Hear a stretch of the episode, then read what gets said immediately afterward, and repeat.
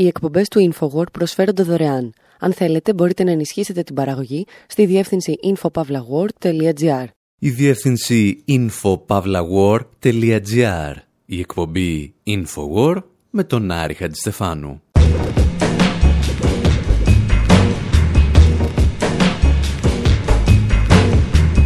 Όπου σήμερα διηγούμαστε τη συναρπαστική ζωή ενός φρικτού ανθρώπου. Ακούμε τραγούδια που έγραψαν η Queen και η Army of Lovers για έναν έμπορο όπλων που συνεργάστηκε με τον Ανδρέα Παπανδρέου και όχι μόνο. Θυμόμαστε σημαντικές στιγμές από την παγκόσμια ιστορία όπως καθορίστηκαν από το εμπόριο όπλων. Συζητάμε για την σχεδόν μυθική φιγούρα του Αντνάν Κασόγκη, του θείου του Ντόντι Αλφαγέτ που σκοτώθηκε με την πριγκίψα Νταϊάννα και επίσης θείο του Τζαμάλ Κασόγκη, τον οποίο τεμάχησαν κάτι σύμμαχοί μας στο προξενείο της Σαουδικής Αραβίας στην Κωνσταντινούπολη. Και όλα αυτά τα κάνουμε με αφορμή ένα σκάνδαλο με την αγορά μαχητικών αεροσκαφών τύπου Ραφάλ της αγαπημένης μας εταιρείας Dassault.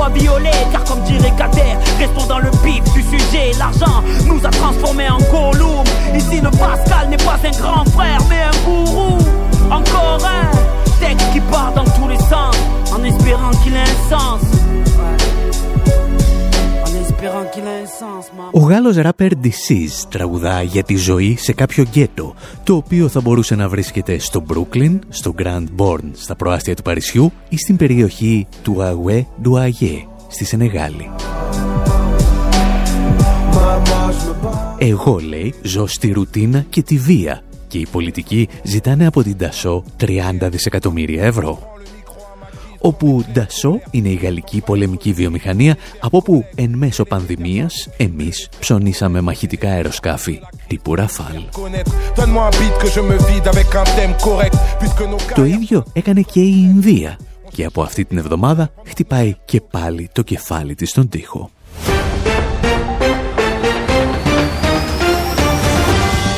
नमस्कार one India Hindi में आपका स्वागत है और मैं हूं आपके साथ विवेक όπως ίσως μπορείτε να καταλάβετε στα Ινδικά δελτία ειδήσεων, αυτό ήταν το πρώτο θέμα των τελευταίων ημερών. Η γαλλική ενημερωτική ιστοσελίδα Mediapart αποκάλυψε ότι η εταιρεία Dassault έδωσε ένα εκατομμύριο ευρώ σε έναν μεσάζοντα ο οποίος μεσολάβησε για να πουλήσει 36 αεροσκάφη Ραφάλ στην πολεμική αεροπορία της Ινδίας. Αν νομίζετε ότι πρόκειται για κάποιο είδους μίζα, να σας εξηγήσουμε ότι ο Μεσάζοντας για αυτό το ένα εκατομμύριο υποσχέθηκε να φτιάξει 50 πλαστικές μινιατούρες στον Ραφάλ. Δεν ήταν δηλαδή μίζα, απλώς οι μινιατούρες ήταν ελαφρώς υπερτιμολογημένες. Κόστιζαν περίπου 20.000 ευρώ η μία. Η αλήθεια είναι ότι οι μεσάζοντες κάνουν πάρτι με την πώληση των Ραφάλ στην Ινδία εδώ και πάρα πολύ καιρό. Πριν από μερικά χρόνια, παραδείγματος χάρη, έγινε γνωστό ότι μια άλλη Ινδική εταιρεία που μεσολάβησε στην πώληση προσέφερε 1,4 εκατομμύρια ευρώ για την παραγωγή μιας γαλλικής ταινίας. Μιας ταινίας στην οποία τυχαίνει να πρωταγωνιστεί η Ζουλή Γκαϊέτ, η οποία τυχαίνει να είναι η πρώην σύντροφος του πρώην Προέδρου Φρασουά Ολάντ, ο οποίος τυχαίνει να υπέγραψε τη συμφωνία με την Ινδική κυβέρνηση για την πώληση των Ραφάλ. Περισσότερα για όλα αυτά όμως μπορείτε να διαβάσετε στο σχετικό άρθρο που δημοσιεύσαμε στο ελληνικό Sputnik. Γιατί εμείς σήμερα δεν θέλουμε να μιλήσουμε για τα Ραφάλ και να σας μπουν τίποτα υποψίες, θέλουμε να μιλήσουμε για εμπόρους όπλων και για μεσάζοντες. Ανθρώπους σαν τον Αντνάν Κασόγκη, για τον οποίο τραγουδούσαν κάποτε η Army of Lovers.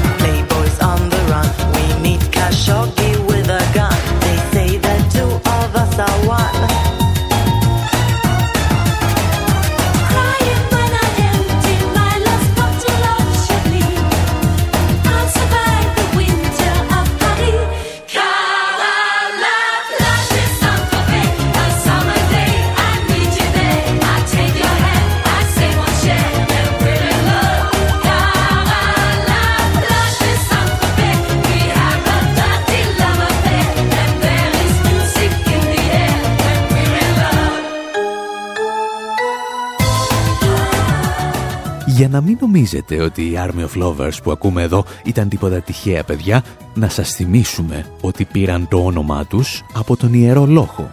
Δηλαδή τα 150 ζευγάρια θηβαίων οπλιτών, οι οποίοι ήταν και εραστές. Μεταξύ τους. Μεταξύ μας. Για να μην σας τα πολυλογούμε, στο συγκεκριμένο τραγούδι, οι Army of Lovers έχουν βγει μία βόλτα για να πιούν τη σαμπάνια τους στο Σαν Τροπέ. Και ποιον βλέπουν, τον Αντνάν Κασόγκη να κρατά ένα όπλο. Στην Ελλάδα, οι ελαφρώς παλαιότεροι θα θυμούνται τον Κασόγκη ως τον προσκεκλημένο του Ανδρέα Παπανδρέου που περνούσε τις μέρες και τις νύχτες του στο Λίντρα Μάριοτ και μεταξύ τύρου και αχλαδίου μεσολάβησε για να αγοράσουμε και 40 μαχητικά Μοιράζ 2000 σε αυτό που ορισμένοι αποκαλούσαν την αγορά του αιώνα. Αυτή όμως ήταν απλώς μία λεπτομέρεια στην πολυτάραχη ζωή ενός εμπόρου όπλων. Ο Κασόγκη θα γεννηθεί το 1935 στη Μέκα της Σαουδικής Αραβίας και ακόμη και σήμερα οι ιστορικοί διαφωνούν εάν η οικογένειά του ήταν ευλογημένη ή καταραμένη. Ο πατέρας του ήταν ο προσωπικός γιατρός του εθνάρχη της Σαουδικής Αραβίας Αμπτούλ Αζίζ Αλ Σαούντ. Η αδερφή του παντρεύτηκε τον Μοχάμεντ Αλφαγέτ και έκανε έναν γιο, τον Ντόντι Αλφαγέτ, που σκοτώθηκε μαζί με την πριγκίψα Νταϊάννα. Ο ίδιος ήταν επίσης θείος του Τζαμάλ Κασόγκη, τον οποίο η Σαουδική Αραβία δολοφόνησε και τεμάχισε στο προξενείο της στην Κωνσταντινούπολη. Παρόλα αυτά, ο Αντνάν Κασόγκη παραμένει η σημαντικότερη περσόνα αυτής της οικογένειας. Ο Κασόγκη θα ξεκινήσει την καριέρα του λειτουργώντας σαν υπεργολάβος σε εταιρείες της Σαουδικής Αραβίας. Η πρώτη όμως μεγάλη εμπλοκή στο εμπόριο όπλων θα γίνει στην Ιεμένη. Στα μέσα της δεκαετίας του 60 το Λονδίνο επιχειρεί να ελέγξει τις εξελίξεις στην Ιεμένη. Καθώς όμως η Βρετανική Αυτοκρατορία αποτελεί πλέον μια σκιά του παρελθόντος της και επειδή η Ιεμένη αποτελούσε ένα από τα θερμά μέτωπα του ψυχρού πολέμου, η Βρετανία δεν τόλμησε να στείλει στρατό. Τις επιχειρήσεις ανέλαβαν ιδιωτικές εταιρείες μισθοφόρων, ακολουθώντας ένα γνώριμο μοτίβο. Η Δύση έδινε τις εντολές, η Σαουδική Αραβία πλήρωνε το κόστος των επιχειρήσεων και οι μισθοφόροι εκτελούσαν αυτές τις επιχειρήσεις. Τα εξηγούσε παλαιότερα και ο δημοσιογράφος Άνταμ Κέρτης. The Saudis agreed to pay for the British mercenaries and also to smuggle weapons into the Yemen. Οι Σαουδάραβες συμφώνησαν να πληρώσουν για τους Βρετανούς μισθοφόρους και επίσης να εισάγουν λαθρέα όπλα στην Ιεμένη. Ο υπεύθυνος για τα όπλα θα ήταν ένας νεαρός έμπορο, ο Αντάν Κασόγκη. Ο Κασόγκη βρήκε τα όπλα που χρειάζονταν μισθοφόροι από τη Βρετανία και την Αμερική. Εκατοντάδες τουφέκια και πολυβόλα που είχαν περισσέψει από τον Δεύτερο Παγκόσμιο Πόλεμο. Δεν ήταν το είδος όπλων που μπορούσαν να προμηθευτούν από τις συνήθειε πηγές τους. Χρειάζονταν ειδικά όπλα για ορεινό πόλεμο, για ανταρτοπόλεμο και παρόμοιες επιχειρήσεις. Αυτό φυσικά σηματοδότησε την ανάδειξη του Κασόγκη ως έμπορου όπλων. Η πρώτη πώληση όπλων του Αντάν Κασόγκη λοιπόν είχε να κάνει με τον πόλεμο στην Ιεμένη.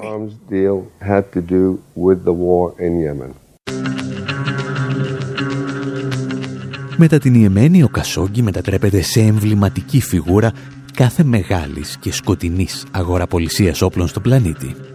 Παρ' όλα αυτά, ο ίδιος εξηγούσε ότι δεν είναι έμπορος όπλων, αλλά μεσολαβητής marketing. I take advantage of opportunities that come. Το αποκαλώ marketing. Εκμεταλλεύομαι τις ευκαιρίες που έρχονται. Σε όλες τις ανθρώπινες σχέσεις, όταν έχεις επαφές, τις χρησιμοποιείς.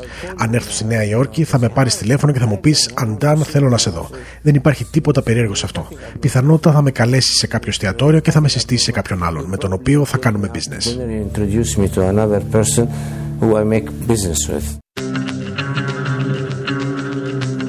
Και αν τον πίεζε κανείς λίγο περισσότερο, όπως έκαναν οι συντελεστές του ντοκιμαντέρ The One Percent, τους έλεγε «Τι τα θες, έτσι είναι ο καπιταλισμός».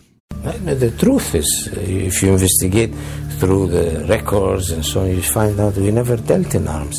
Η αλήθεια είναι και αν ερευνήσετε θα το διαπιστώσετε ότι ποτέ δεν εμπορευόμουν όπλα. Ήταν ένας τίτλος που μου απέδωσαν τα μέσα ενημέρωσης. Εργάστηκα με τους Βρετανούς για το πρόγραμμα των μαχητικών F-35 Lighting, εργάστηκα με την Raytheon για τα πυραυλικά συστήματα, εργάστηκα με την Northrop για τα F5.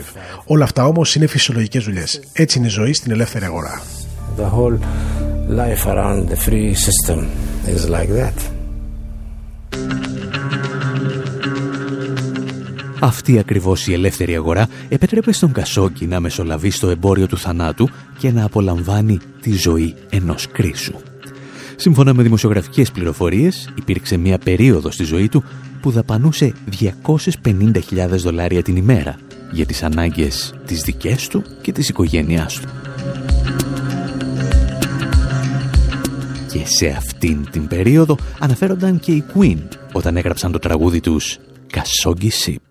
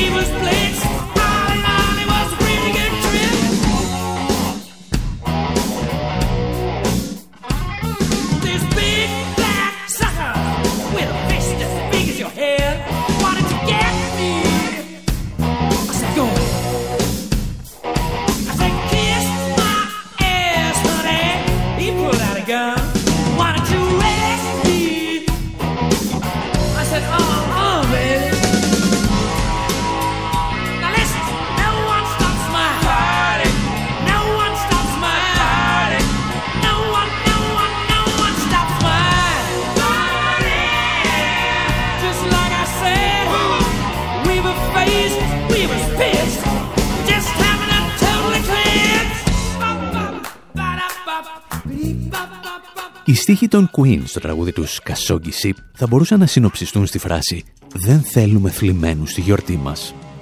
Και το βασικό θέμα είναι τα πάρτι που πραγματοποιούσε ο Κασόγγι στο προσωπικό του σκάφος με το όνομα Ναμπίλα. Αν δεν το έχετε δει κάπου στη Μεσόγειο, σίγουρα θα το είδατε στα γυρίσματα της ταινίας «Ποτέ μην ξαναπείς ποτέ» με τον James Bond. Prepare for departure. Préparez-vous. I'm invited for lunch and given a cruise. Why? You had other plans? No, not at all. I'm at your disposal, of course. Εάν πάλι δεν είδατε ούτε εκεί το πλοίο του Κασόγκη, να θυμάστε ότι στη συνέχεια το αγόρασε ο Ντόναλτ Τραμπ. Για να έχετε μάλιστα μια εικόνα του πλούτου που συσσωρεύεται στον πλανήτη τις τελευταίες δεκαετίες, αρκεί να θυμάστε ότι τη δεκαετία του 80 ήταν το μεγαλύτερο γιότ στον κόσμο. Σήμερα όμως, μόλις και με τα βίας, συγκαταλέγεται στα 100 μεγαλύτερα ιδιωτικά σκάφη. Ο Κασόγκη θα συνεχίσει να αποτελεί έναν από τους μεγαλύτερους εμπόρους όπλων ή μεσολαβητές, συνεργαζόμενος κυρίως με τις Αμερικανικές βιομηχανίες όπλων, τη CIA και τον οίκο των Σαούντ στο Ριάντ. Και σε αυτό το πλαίσιο θα πραγματοποιήσει και μία από τις μεγαλύτερες επιχειρήσεις του. Εδώ θα χρειαστούμε όμως για μία ακόμη φορά τη βοήθεια των Army of Lovers.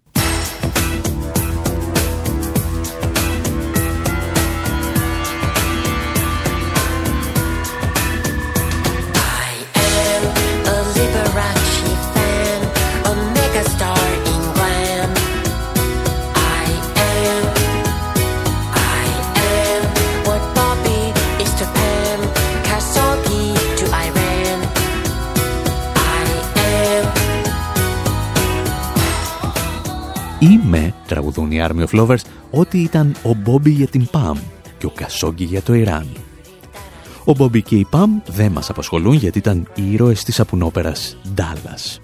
Ο Κασόγκι και το Ιράν όμως μας ενδιαφέρουν. In the 1980s, the US government illegally sold weapons to Iran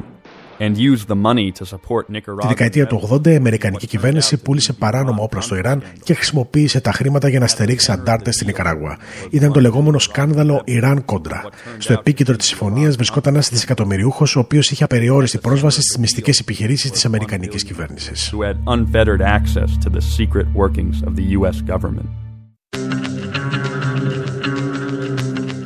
Η περιγραφή που ακούσατε από το ντοκιμαντέρ 1% έχει ένα μικρό προβληματάκι. Αποκαλεί αντάρτες τα παρακρατικά τάγματα εφόδου των Κόντρας, τα οποία στήριζε η Ουάσιγκτον εναντίον του επαναστατικού κινήματος των Σαντινίστας. Στα υπόλοιπα όμως θα συμφωνήσουμε. Η Ουάσιγκτον δεν έκρυψε ποτέ ότι ενίσχυε τις δυνάμεις των Κόντρας. Έκρυψε όμως κάποτε ότι για να εξασφαλίσει τα χρήματα πουλούσε όπλα στο Ιράν. Οι πρώτες καταγγελίες το 1986 αναφέρουν ότι τα όπλα δόθηκαν με αντάλλαγμα την απελευθέρωση εχμαλώτων. Ο Αμερικανός τότε πρόεδρος Ρόναλντ Ρίγκαν όμως βγαίνει σε εθνικό δίκτυο το Νοέμβριο του 1986 και διαψεύδει τις κατηγορίες. Παρά τις υποθετικές και ψευδείς ιστορίες που κυκλοφόρησαν ότι προσφέραμε όπλα και λίτρα για την απελευθέρωση των εχμαλώτων, η κυβέρνησή μου ουδέποτε, επαναλαμβάνω ουδέποτε, πούλησε όπλα ή οτιδήποτε άλλο για να ελευθερώσει τους ομήρους. Κι ούτε πρόκειται να το κάνει στο μέλλον. Πριν περάσει όμως μία εβδομάδα, ο ίδιος πρόεδρος εμφανίζεται στην ίδια τηλεόραση για να ζητήσει συγγνώμη. Είναι πλέον γνωστό ότι η Ουάσιγκτον έδινε όπλα στο Ιράν και τα κέρδη στους κόντρας. Γνώριζα ότι η αντίσταση των κόντρας στην Ικαράγουα λάμβανε χρήματα από ξένες χώρες και ιδιωτικούς φορείς και ενίσχυε αυτή τη διαδικασία συνειδητά. Θέλω όμως να πω κάτι και να το γράψετε με κεφαλαία γράμματα. Δεν γνώριζα για τη μεταφορά χρημάτων από το Ιράν. Οι ευθύνες όμως δεν σταματούν σε αυτούς που έδωσαν καταθέσεις στο δικαστήριο, σταματούν σε μένα. Απέναντι στον Αμερικανικό λαό, εγώ είμαι υπεύθυνος για ό,τι συνέβη.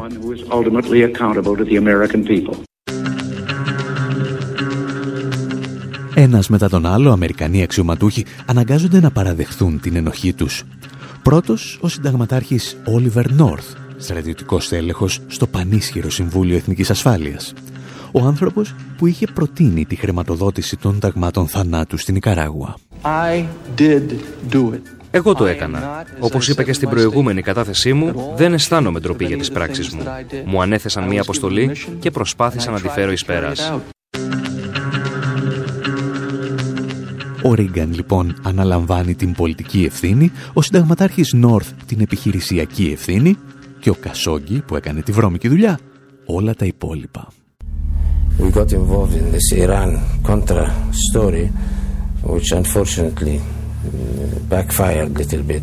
Αναμίχθηκα σε αυτή την υπόθεση Ιράν κόντρα, η οποία δυστυχώς δεν πήγε πολύ καλά για κανέναν. Μου ζήτησαν να χρηματοδοτήσω τη μεταφορά και είπα: OK. Οπότε μετέφεραν εγγυήσεις ενός εκατομμυρίου δολαρίων σε CIA και αυτοί έστειλαν όπλα στο Ιράν. Και φυσικά με πλήρωσαν.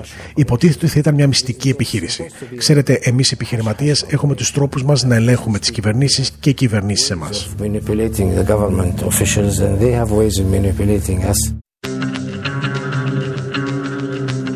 Ιστορίες για εμπόρους όπλων που διηγούμαστε μετά την αποκάλυψη ενός ακόμη σκανδάλου στις πωλήσεις μαχητικών αεροσκαφών τύπου Ραφάλ. Εσείς μένετε εδώ, γιατί στο δεύτερο μέρος της εκπομπής θυμόμαστε ποιοι πληρώνουν συνήθως το λογαριασμό για αυτές τις πωλήσεις.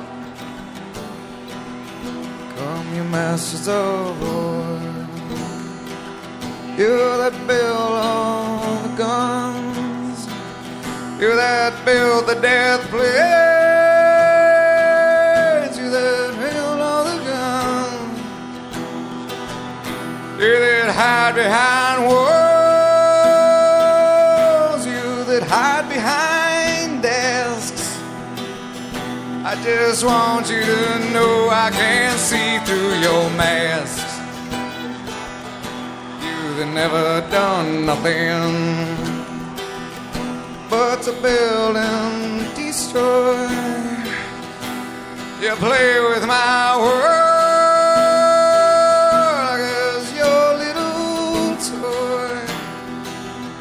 You put a drug in my head, then you hide from my eyes. Then you turn and run farther when the fast bullets fly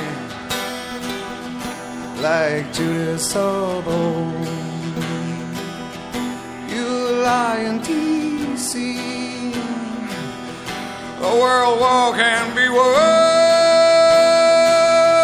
You want me to believe, but I see through your eyes, and I see through your brain like I see through the water that runs down my drain. You that fasten all the triggers for oh, the others to fire. Then you sit back and watch while the death count gets higher. You hide in your mansion while young people's blood flows out of their bodies and is buried in the mud. You've thrown the worst fear that could ever be hurled. The fear to bring children into this world threatening my baby. I'm born in name. You ain't worth the blood that runs in your veins.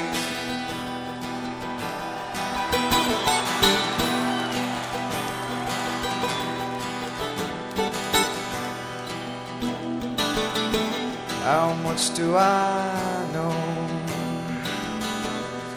talk out of turn.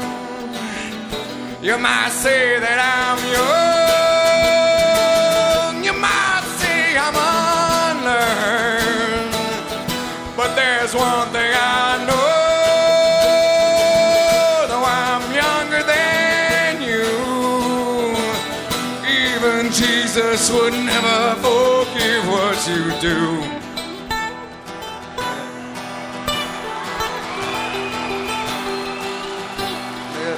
Ask you one question. Is your money that good? Will it buy you forgiveness? Do you think that it could? Oh, I think you will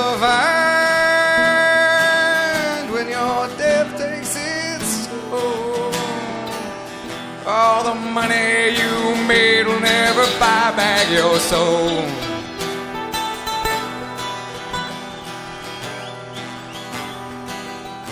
And I hope that you die. And your death will come soon.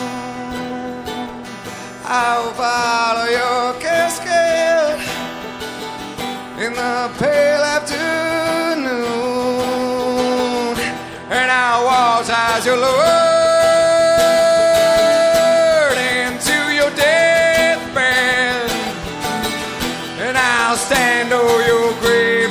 I'm sure that you're dead.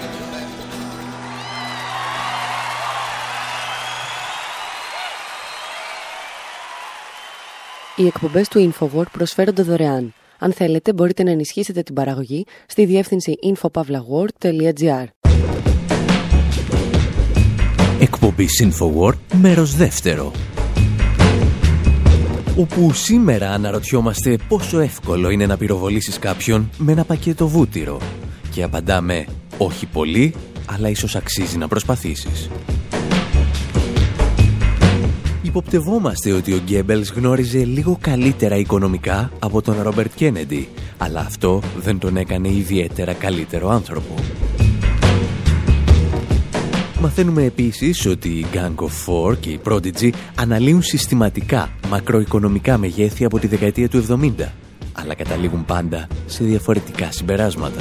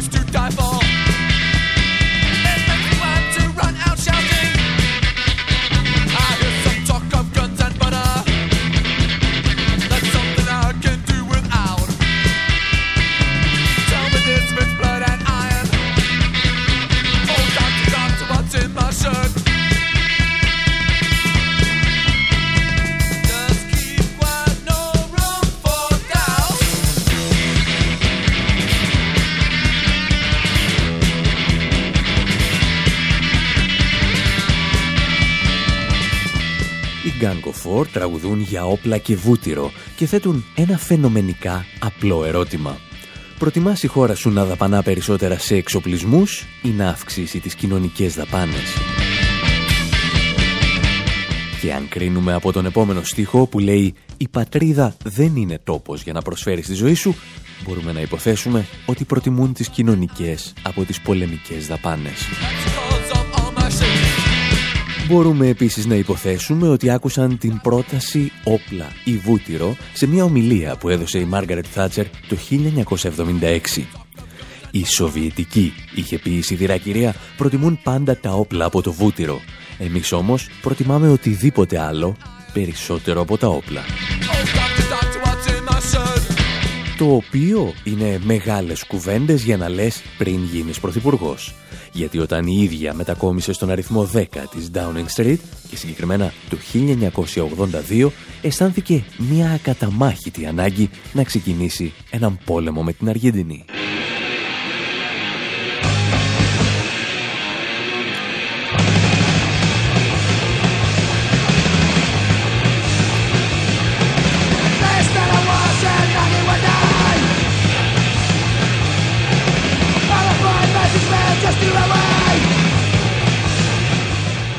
Ξεκινήσουμε έναν πόλεμο, σκέφτηκε ένα πρωί η Μάκη, μας εξηγούσαν οι Exploited.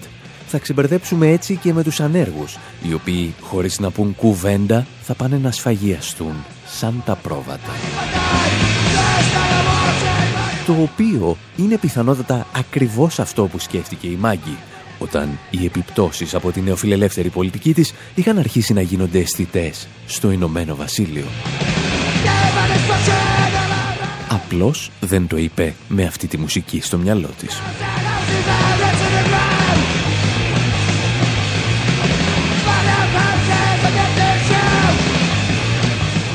Η φράση πάντως όπλα αντί για βούτυρο δεν ανήκει στη Μάργαρετ Θάτσερ γιατί ο πρώτος που πιστεύετε ότι την είπε ήταν ο William Jennings Bryan τον οποίο εδώ ακούτε σε μια σπάνια ηχογράφηση του 1896. Mr. Chairman and gentlemen of the convention, I would be presumptuous indeed to present myself against the distinguished gentleman to whom you have Ο Μπράιαν ήταν μια ιδιαίτερη περίπτωση πολιτικού και ίσως να μην είναι υπερβολή να τον αποκαλέσουμε τον Μπέρνι Σάντερς των αρχών του 20ου αιώνα.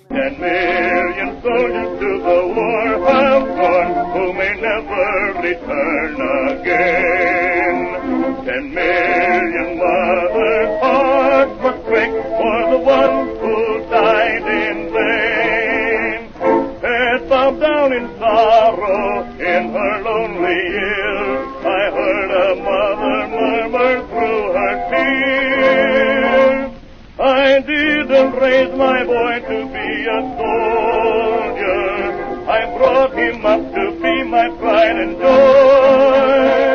Ο Βίλιαμ Μπράιαν προερχόταν από τη λεγόμενη λαϊκή ή λαϊκιστική πτέρυγα των δημοκρατικών, πριν όμως ο όρος λαϊκισμός λάβει τα σημερινά του χαρακτηριστικά. Ήταν ο παδός της άμεσης δημοκρατίας, ενώ σε κάθε ευκαιρία στρεφόταν εναντίον των μεγάλων τραπεζών και των οικονομικών τραστ. Αν και ήταν ο λίγων κουκουρούκου στα θέματα που σχετίζονταν με τη θρησκεία και δεν τα πήγαινε πολύ καλά με τις θεωρίες του Δαρβίνου, ήταν ένας γνήσιος φιλιρινιστής. Του έτυχε όμως να είναι υπουργός εξωτερικών όταν οι Ηνωμένε Πολιτείε αποφάσισαν να εμπλακούν στον Πρώτο Παγκόσμιο Πόλεμο. Ο Μπράιαν λοιπόν πήρε το καπελάκι του, χαιρέτησε τον πρόεδρο Βίλσον και υπέβαλε την παρέτησή του. Ίσως μάλιστα να σιγομουρμούρισε στον πρόεδρο και αυτό το αντιπολεμικό τραγουδάκι που ακούμε.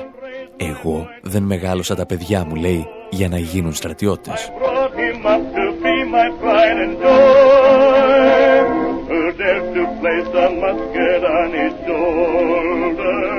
Σήμερα πάντως θα ακούσετε να κατηγορούν τον Μπράιαν ότι ήταν ο παδός του απομονωτισμού. Γιατί ως γνωστόν το να μην θέλεις να βομβαρδίζεις μακρινές χώρες σε απομονώνει. Ενώ με το να εισβάλλεις σε κάθε γωνιά του πλανήτη γνωρίζεις και καινούριο κόσμο. Η φράση λοιπόν «όπλα» ή «βούτυρο» πιθανότατα ξεκινά με τον Πρώτο Παγκόσμιο Πόλεμο.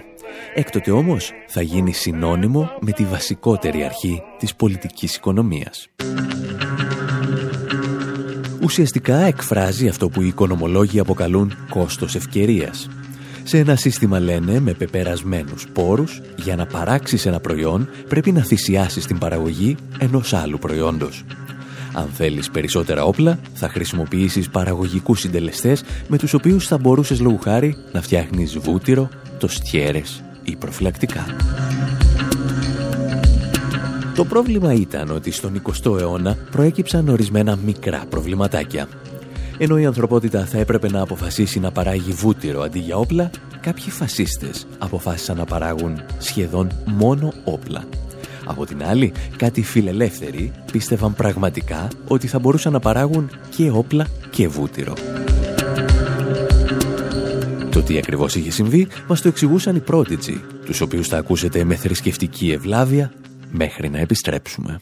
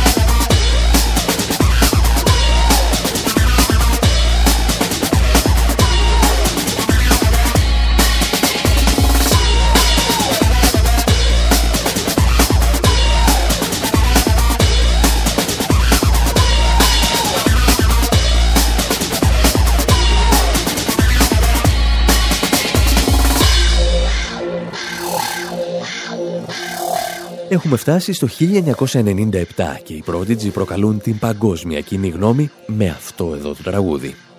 Οι αντιδράσεις είναι παρόμοιες με αυτές που προκάλεσε και η Λέδη με τη φράση της «Χτύπα σαν άντρας».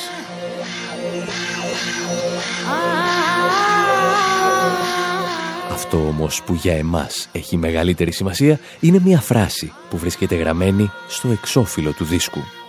«Δεν έχουμε έλεγε βούτυρο, αλλά σε ρωτάω, προτιμάς να έχουμε βούτυρο ή όπλα.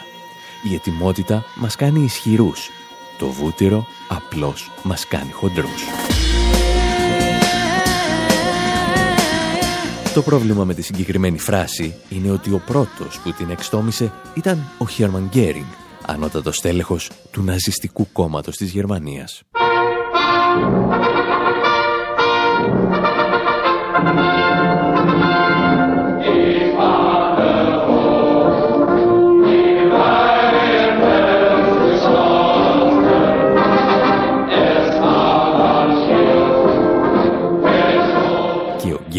Δεν ήταν ο μόνος που είχε τοποθετηθεί με σαφήνεια στο δίλημα όπλα ή βούτυρο. Ο υπουργός προπαγάνδας του Χίτλερ, Τζόσεφ Γκέμπελς, δήλωνε τα εξής. «Μπορούμε, έλεγε, να ζήσουμε χωρίς βούτυρο, αλλά παρά την αγάπη μας για την ειρήνη, δεν μπορούμε να ζήσουμε χωρίς όπλα, γιατί κανείς δεν μπορεί να πυροβολεί με το βούτυρο». Όπως έχουμε εξηγήσει και στο παρελθόν, το ανέκδοτο του Γκέμπελς είναι τόσο ανόητο όσο και αυτό που λέει ότι η διαφορά ανάμεσα σε ένα πεπόνι και ένα παγόνι είναι ότι το πεπόνι παγώνει ενώ το παγόνι δεν πεπόνι. Στην πραγματικότητα όμως, η φράση του Υπουργού Προπαγάνδας συνοψίζει το οικονομικό πρόγραμμα της ναζιστικής Γερμανίας. Το κράτος, με εντολή των οικονομικών ελίτ, έπρεπε να παρέμβει με δημόσιες δαπάνες για να διασώσει την καπιταλιστική οικονομία της Γερμανίας που κατέρεε. Και αυτή ήταν μια κοινή απόφαση που έλαβαν οι κυβερνήσεις και οι οικονομικές ελίτ και στις δύο πλευρές του Ατλαντικού. Η Αμερική αποφάσισε να δοκιμάσει την τύχη της παράγοντας βούτυρο μέσα από την πολιτική του New Deal. Η Γερμανία πάλι σκέφτηκε να ξεκινήσει την παραγωγή όπλων. Τελικά βέβαια όλοι αποφάσισαν ότι συνέφερε περισσότερο η παραγωγή όπλων γιατί όπως έλεγε και ο Γκέμπελς με το βούτυρο δεν μπορείς να πυροβολήσεις κανέναν. Για την ακρίβεια δεν μπορείς να προκαλέσεις την καταστροφή που χρειάζεται το οικονομικό σύστημα για να αναγεννηθεί ύστερα από την τέφρα του. Chain, chain, chain.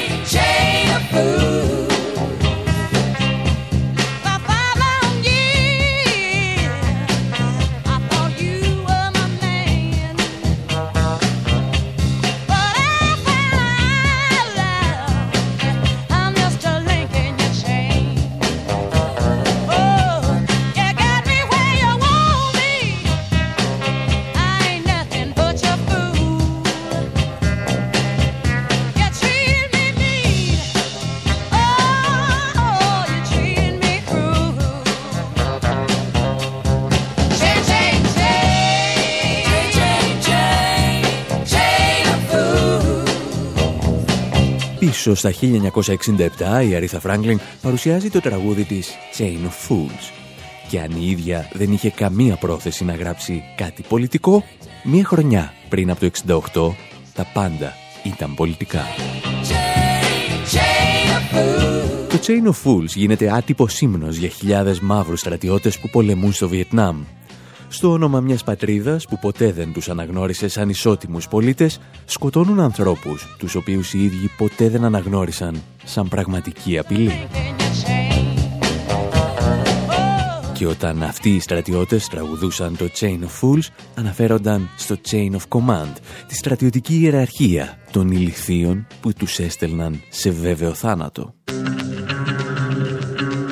Οι στρατιώτες των Ηνωμένων Πολιτειών όμως δεν ήταν οι μόνοι που συνειδητοποιούσαν ότι κάτι δεν πήγαινε καλά με αυτόν τον πόλεμο. Ένα χρόνο πριν γράψει η Αρίθα Φράγκλιν το Chain of Fools, ο Αμερικανός πρόεδρος Λίντον Τζόνσον δεχόταν ανησυχητικά μηνύματα από τους οικονομικούς του συμβούλους, αλλά και την ιεραρχία του Πενταγώνου. Το κόστος του πολέμου στο Βιετνάμ αυξανόταν μέρα με την ημέρα και αυτό είχε περίεργες επιπτώσεις στην αμερικανική οικονομία. Καθώς το κράτος έριχνε συνεχώς κεφάλαια για να παράγει όπλα, η οικονομία υπερθερμάνθηκε, με αποτέλεσμα την εκτείναξη του πληθωρισμού. Το πρόβλημα θα μπορούσε θεωρητικά να λυθεί εάν απλώς ο πρόεδρος περιόριζε τις στρατιωτικές δαπάνες. Ο Τζόνσον όμως, γνωρίζοντας το δίλημα όπλα ή βούτυρο, αποφάσισε να κόψει το βούτυρο, δηλαδή τις κοινωνικές δαπάνες. Και το έκανε σχεδόν κυριολεκτικά. Μεταξύ άλλων έκοψε ακόμη και το φαγητό και το γάλα που διανέμονταν δωρεάν στα σχολεία. No milk today, my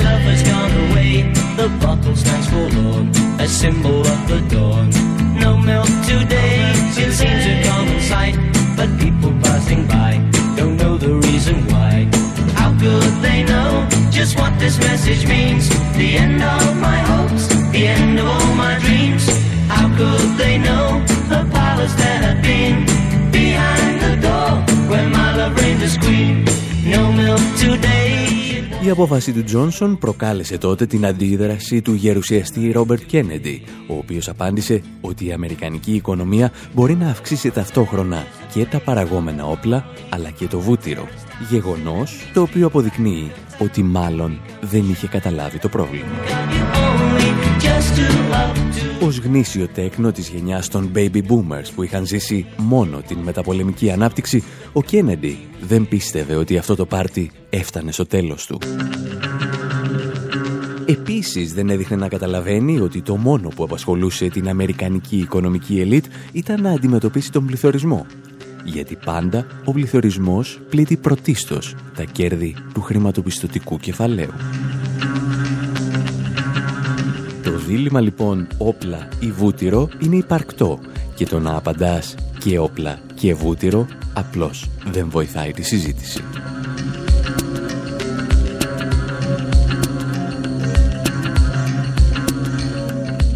Κάπου εδώ όμως εμείς λέμε να σας αφήσουμε και για αυτή την εβδομάδα. Να μας θυμάστε και να μας αγαπάτε μέσα από τη σελίδα μας info.pavlawar.gr Από τον Άρη Χατζηστεφάνου στο μικρόφωνο, τον Ανδρέα Κοσιάρη και την Μυρτώ Σιμεωνίδου στην έρευνα και τις μεταφράσεις και τον Δημήτρη Σταθόπουλο στην Γενική Τεχνική Επιμέλεια. Γεια σας και χαρά σας.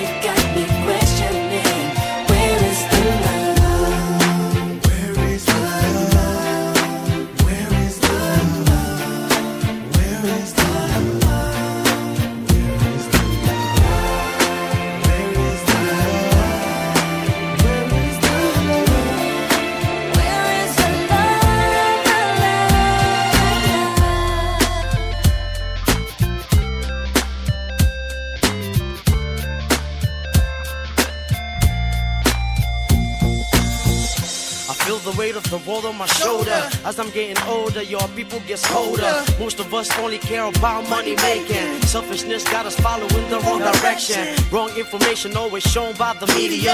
Negative images is the main criteria. Infecting the young minds faster than bacteria. Kids wanna act like what they see in the cinema. Yeah. Whatever happened to the values of humanity? Whatever happened to the fairness and equality? Instead of spreading love, we're spreading animosity. Lack of understanding leading us away from unity. That's the reason why sometimes I'm feeling under. That's the reason why sometimes I'm feeling down. It's no wonder why sometimes I'm feeling under. Gotta keep my faith alive love is found. Ask yourself. Where is the love?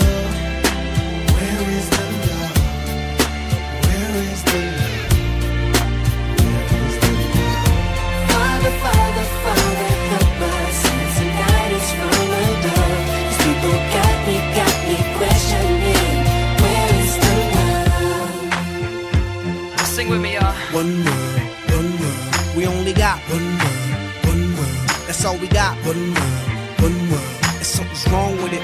Something's wrong with it. Something's wrong with the world, world. Yeah, we only got one world,